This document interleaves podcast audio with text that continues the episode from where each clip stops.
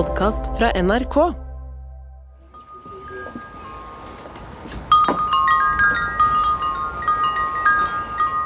På en veranda i Fredrikstad henger det en uro lagd av stålrør. Den vaier i vinden, og da lager den musikk. Det er derfor den kalles for et vindspill, eller et vindpustorgel. Det bor en ridder her, Ja, i Malteserriddernes hospitalsorden. Eller johanitterorden, om du vil. En veldedig organisasjon. ja det innebærer at du, du forsøker egentlig å gjøre så godt du kan for eh, fattige og syke mennesker. Og det gjør Karl Johan Holm i ekte ridderånd. Og eh, som johanitter så gjør vi alt det vi driver med. Det tar vi oss ikke betalt for i det hele tatt. Som f.eks. å ta imot boksringer fra over hele landet. Jeg tjener ikke fem øre, jeg syns det er moro. Når folk rundt omkring har samla opp en liten mengde med ringer, er det han Karl Johan de sender dem til. Det er fordi han sørger for at de kommer seg videre. Målet er produksjon av proteser i Thailand. Men eh, på den første etappen kan det godt hende at ringene reiser akkurat den veien her. Der ligger eh, den bygget der som det står Fredrikstad kommune på. Det er der hvor strømpefabrikken flytta inn i, i, i 37. Det gamle ba- badet. Fredrikstad bad. Vi lærte frisvømning, crawl, i et basseng som var to meter langt. Du, er det lov å spørre hvor gammel du er? Jeg? Jeg blir 85. Gammel gubbe. Bor jeg. Her ligger residensen. Residensen. Snart 85 år gamle Karl Johan Holm er veldig glad i folk, skal det vise. Ja, så hvor kommer du fra? Jeg kommer fra Bodø. Bodø. Ja. Ja vel. Jeg hadde noe med en gullsmed å gjøre i Bodø i sin tid. Hallo, Alice. Kommer du hjem for eh, Kommer du hjem for godt? Til Lærdal? Ja. Du må være forsiktig, da. Det er bjørn der oppe.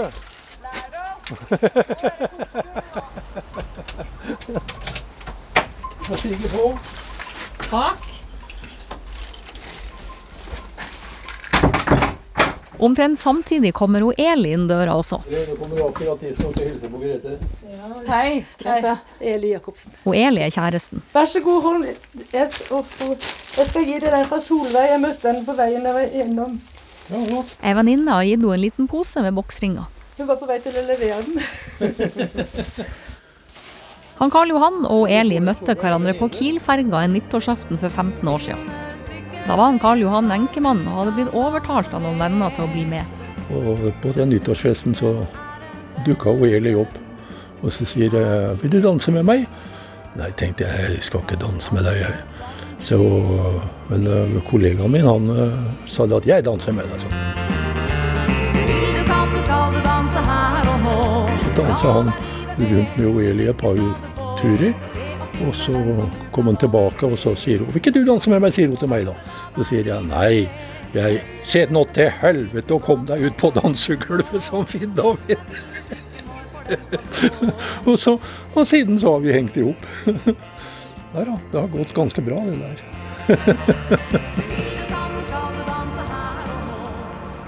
Drikker du kaffe eller te?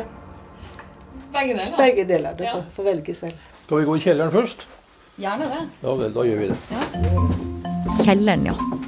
Det er der han har lagra alle boksringene som folk har sendt. Her er det kjelleren. Og den kjelleren der, den er noe helt for seg sjøl.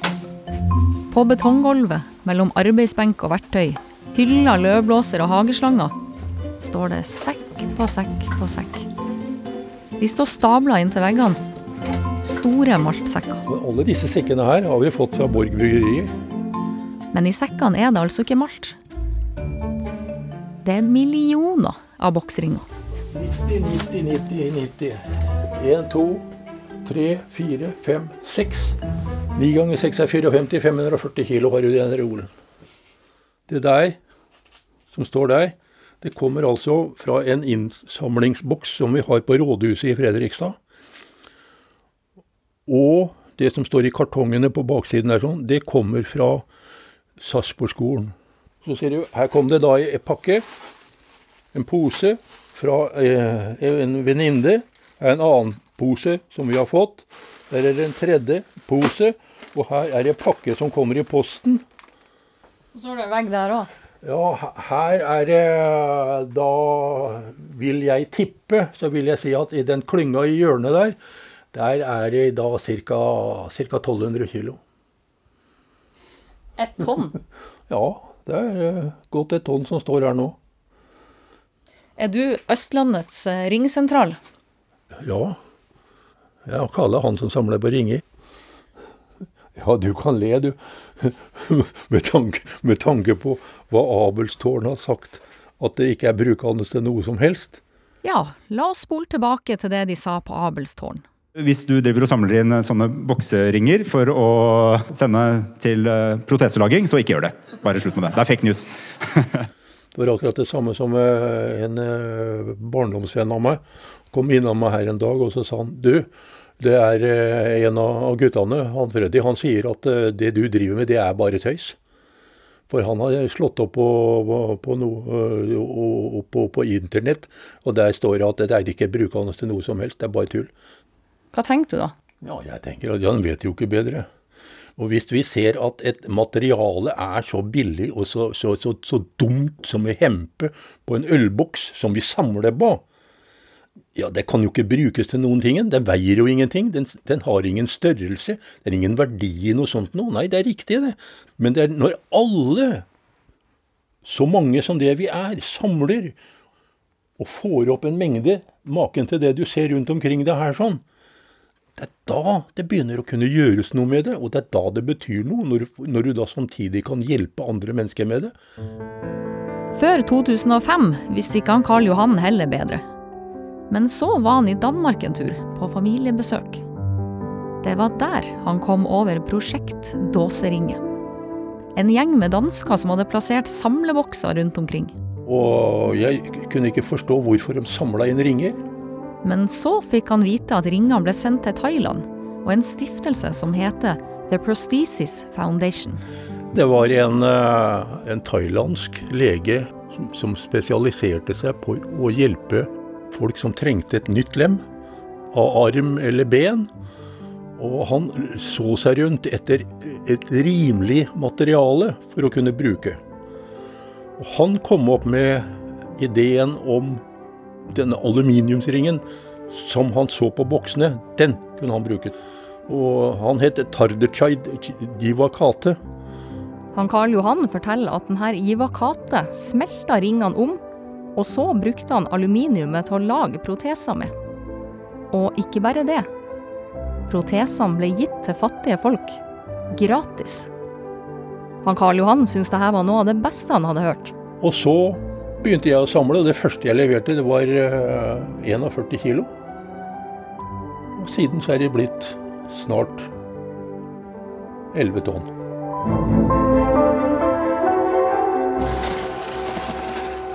Men hvis det går an å samle inn de ringene og bruke det til å lage proteser med, kan man ikke bruke hele boksen også? Nei, boksen lar seg ikke eh, bruke. I den ene lille hempa som sitter på boksen, så er det ren aluminium. Men i boksen selv er det aluminiumslegering. Så det ville bare blitt et enormt volum. Men det er hempa som er viktig. Greit nok, ei lita hempe. Og ei lita hake, kan man si. For før i tida brukte SAS å ta med seg ringene gratis. Men ja, det var før. Til å begynne med så sendte vi jo dette her ned til Thailand. Men fraktprisen er jo blitt så, så enorm at det lar seg jo ikke gjøre lenger. Så nå bruker vi det som gjenvinningsmaterialer. gjenvinningsmateriale. Boksringene som ligger i kjelleren til Karl Johan, blir altså ikke sendt til Thailand. Det som skjer med dem i stedet, er at de blir omsatt til resirkulering. Med andre ord, han Karl Johan selger dem til en skraphandler. Skraphandler, som vi kaller dem i Norge. Og så blir pengene satt inn på kontoen til The Prosthesis Foundation i Thailand. Men det er nok ei lita hake. Han Karl Johan får nemlig mer penger for ringene hvis han selger dem i Danmark. Kiloprisen ligger på åtte kroner per kilo. Hvor mange ringer er det? Det er eh, 3200-3300 ringer. Og jeg har, solgt, jeg har solgt ringer bare én gang her i Norge. Og da snøt jeg meg på godt 100 kilo. Jeg fikk seks kroner og noe for kilo. Og det var det jeg oppnådde her. Derfor er det sånn at hver gang kjelleren er full, så lemper han Karl Johan sekker med ringer i bilen og kjører dem til Danmark for å selge dem der i stedet. Prisen på et dansk krone er 1,29. Så tjener vi jo 30 på hver eneste kilo vi selger i Danmark istedenfor i Norge. Det her er underlig. Og veldig tungvint. Det henger liksom ikke helt på greip at folk først samler på boksringer i en evighet. Så sender de dem i posten til Fredrikstad, og så blir han som får dem, nødt til å kjøre dem videre til Danmark. Er ikke det her fryktelig knotete? Jeg blir nødt til å spørre om noe som jeg egentlig har lurt på en god stund nå. Er det ikke bedre da at folk setter inn penger i stedet? Jo, jo jeg forsøkte meg på det. Jeg sa at hvis de ville støtte oss på en annen måte enn å samle ringer, så kunne de jo donere 25 kroner. Fikk aldri inn en krone. aldri. Men å bruke 115 kroner på å sende meg den konvolutten med ringer i, det ser de ikke på. Det er ålreit. For da har de vel også da selv følelsen av at jeg har plukka så mye ringer at dette her skal jeg også det er 515 kroner for å få sendt den posen. Det er ingenting. Så det er Nei, det er det, det, det kan, man, man, kan, man, kan, stusse over, over, over måten, ja. Men det er ikke noe å gjøre ved. Det er bare sånn. Så jeg fortsetter å samle og rense ringer. Jeg syns det er helt ok. Rens ringer, ja. Vi renser jo alt sammen. For ikke nok med at han Karl Johan tar vare på alle ringene. Stabler dem i bilen og kjører dem til Danmark. Skal vi se, da får jeg rigge meg til. Han går også gjennom alle ringene for å passe på at det ikke ligger noe annet oppi der. Det er litt av en jobb. Jeg står her ved arbeidsbordet flere timer hver uke og renser ringer. Hvordan renser du de? Jeg bruker en svær magnet. Så heller jeg bare ringene utover bordet. Og når ringene ligger utover bordet, stryker han magneten over dem. Sånne ting som ikke skal være der, fester seg på den. Noen ganger er du heldig og får nesten eh, rene poser. Andre ganger så er det en masse med, og da ser jo magneten ut som rene piggsvinet, vet du. Det du gjør når du renser med magneten, det er at du renser det for jern? Jeg renser det for jern. Alt som er magnetisk og jernholdig, for det, det, kan jo ikke brukes. Så uh, det er renser, og da vet jeg at det jeg leverer fra meg, det er ren aluminium. Det er rent og kan brukes. Det er ganske mange som har mista helt andre ting enn boksringer i posene sine.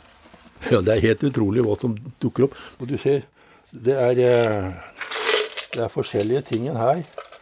Her er det her er det smykkeskrin, det er veltering, det er eh, et, et slipsklype eller eh, løkke, kronestykker og til og med en rund kule. Klinkekule? Ja, klinkekule. Det er litt av hvert. Det, er, det er masse rart du finner. Hva er det rareste du har funnet? Giftering. Oi, det var vel Enten så var han mektig forbanna, eller så må han uh, ha blitt veldig skuffa. Ett av to. Fikk du tak i vedkommende? Nei, jeg prøvde ikke engang. Jeg ville ikke ta sjansen på det. Folk holder på med sitt. Det kan jo være noe å tenke på.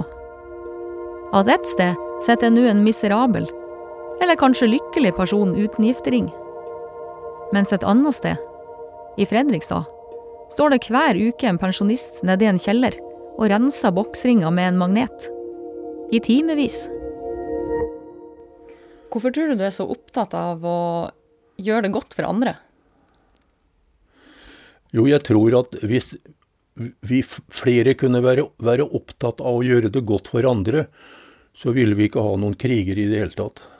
Da ville vi være mer opptatt av hverandre og hverandres velferd. Og det tror jeg betyr veldig, veldig mye.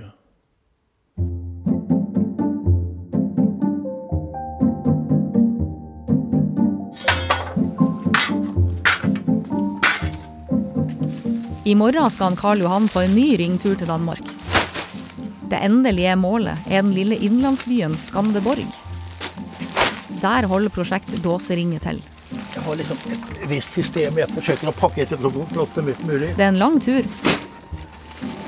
Han må overnatte i Fredrikshavn på veien.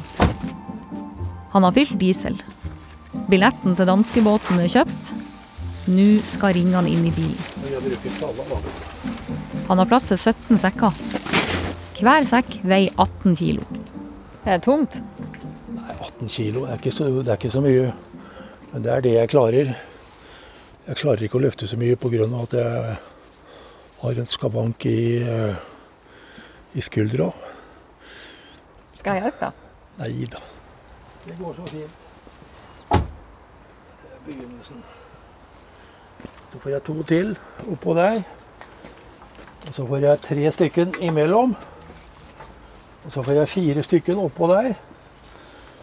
Da er jeg, er jeg kommet opp i Da er jeg kommet opp i elleve stykker, og da bygger jeg opp enda en høyde. Så ordner det seg. Og da er det så vidt jeg får igjen døra. Det er sånn vi gjør det. Sånn gjør vi det. Og så drikker vi kaffe med Eli. Hun har lagd lunsj òg. Det er akkurat som om de var mine besteforeldre. Sånne som prøver å prakke på deg mat. Jeg tror det er bra, altså. Nei. Du, Jeg tror det er Må du ta en til, jente? Ja, okay. Du skal Ja, ja. vokse. er, det er skikkelig håndverk. Ja, det var godt.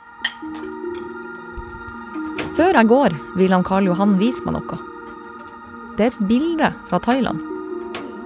Et merkelig bilde. Av en elefant. Har du sett det? Nei. En Elefant med protese. Et sted i verden finnes det altså noen som har lagd ei protese til en elefant.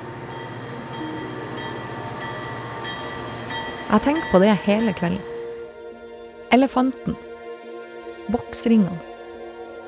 Jeg tar en øl. Tenker selvfølgelig på det da òg. Hm. Jeg tenker på Lena og på mailen hun sendte. Hvordan kan dere oppfordre alle til å slutte å samle dåseringer fra øl- og brusbokser? På berget med ringer og på magneten i kjelleren. Jeg bruker en svær magnet. Og jeg tenker på han Karl Johan.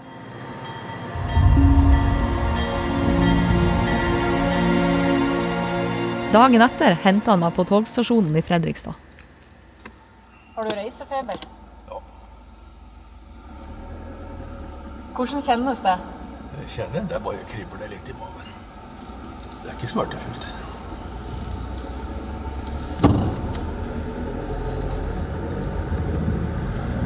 De fleste snakker om reisefeber, men ingen reflekterer over åssen det er. Men det er, hva er det for noe? Det er ikke godt å si.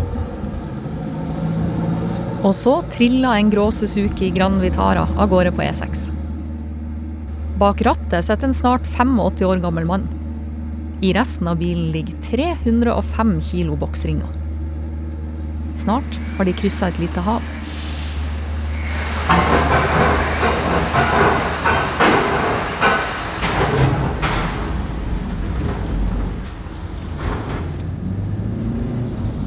Hvor er vi nå?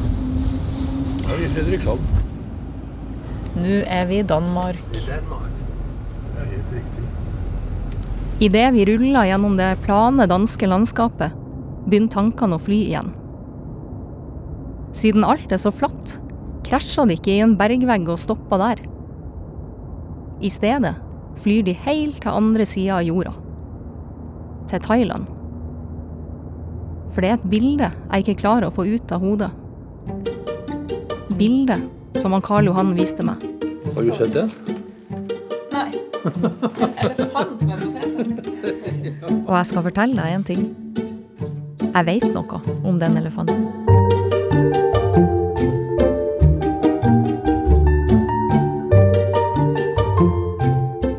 Du har hørt 'Bokseringenes herre', laga av Grete Strøm.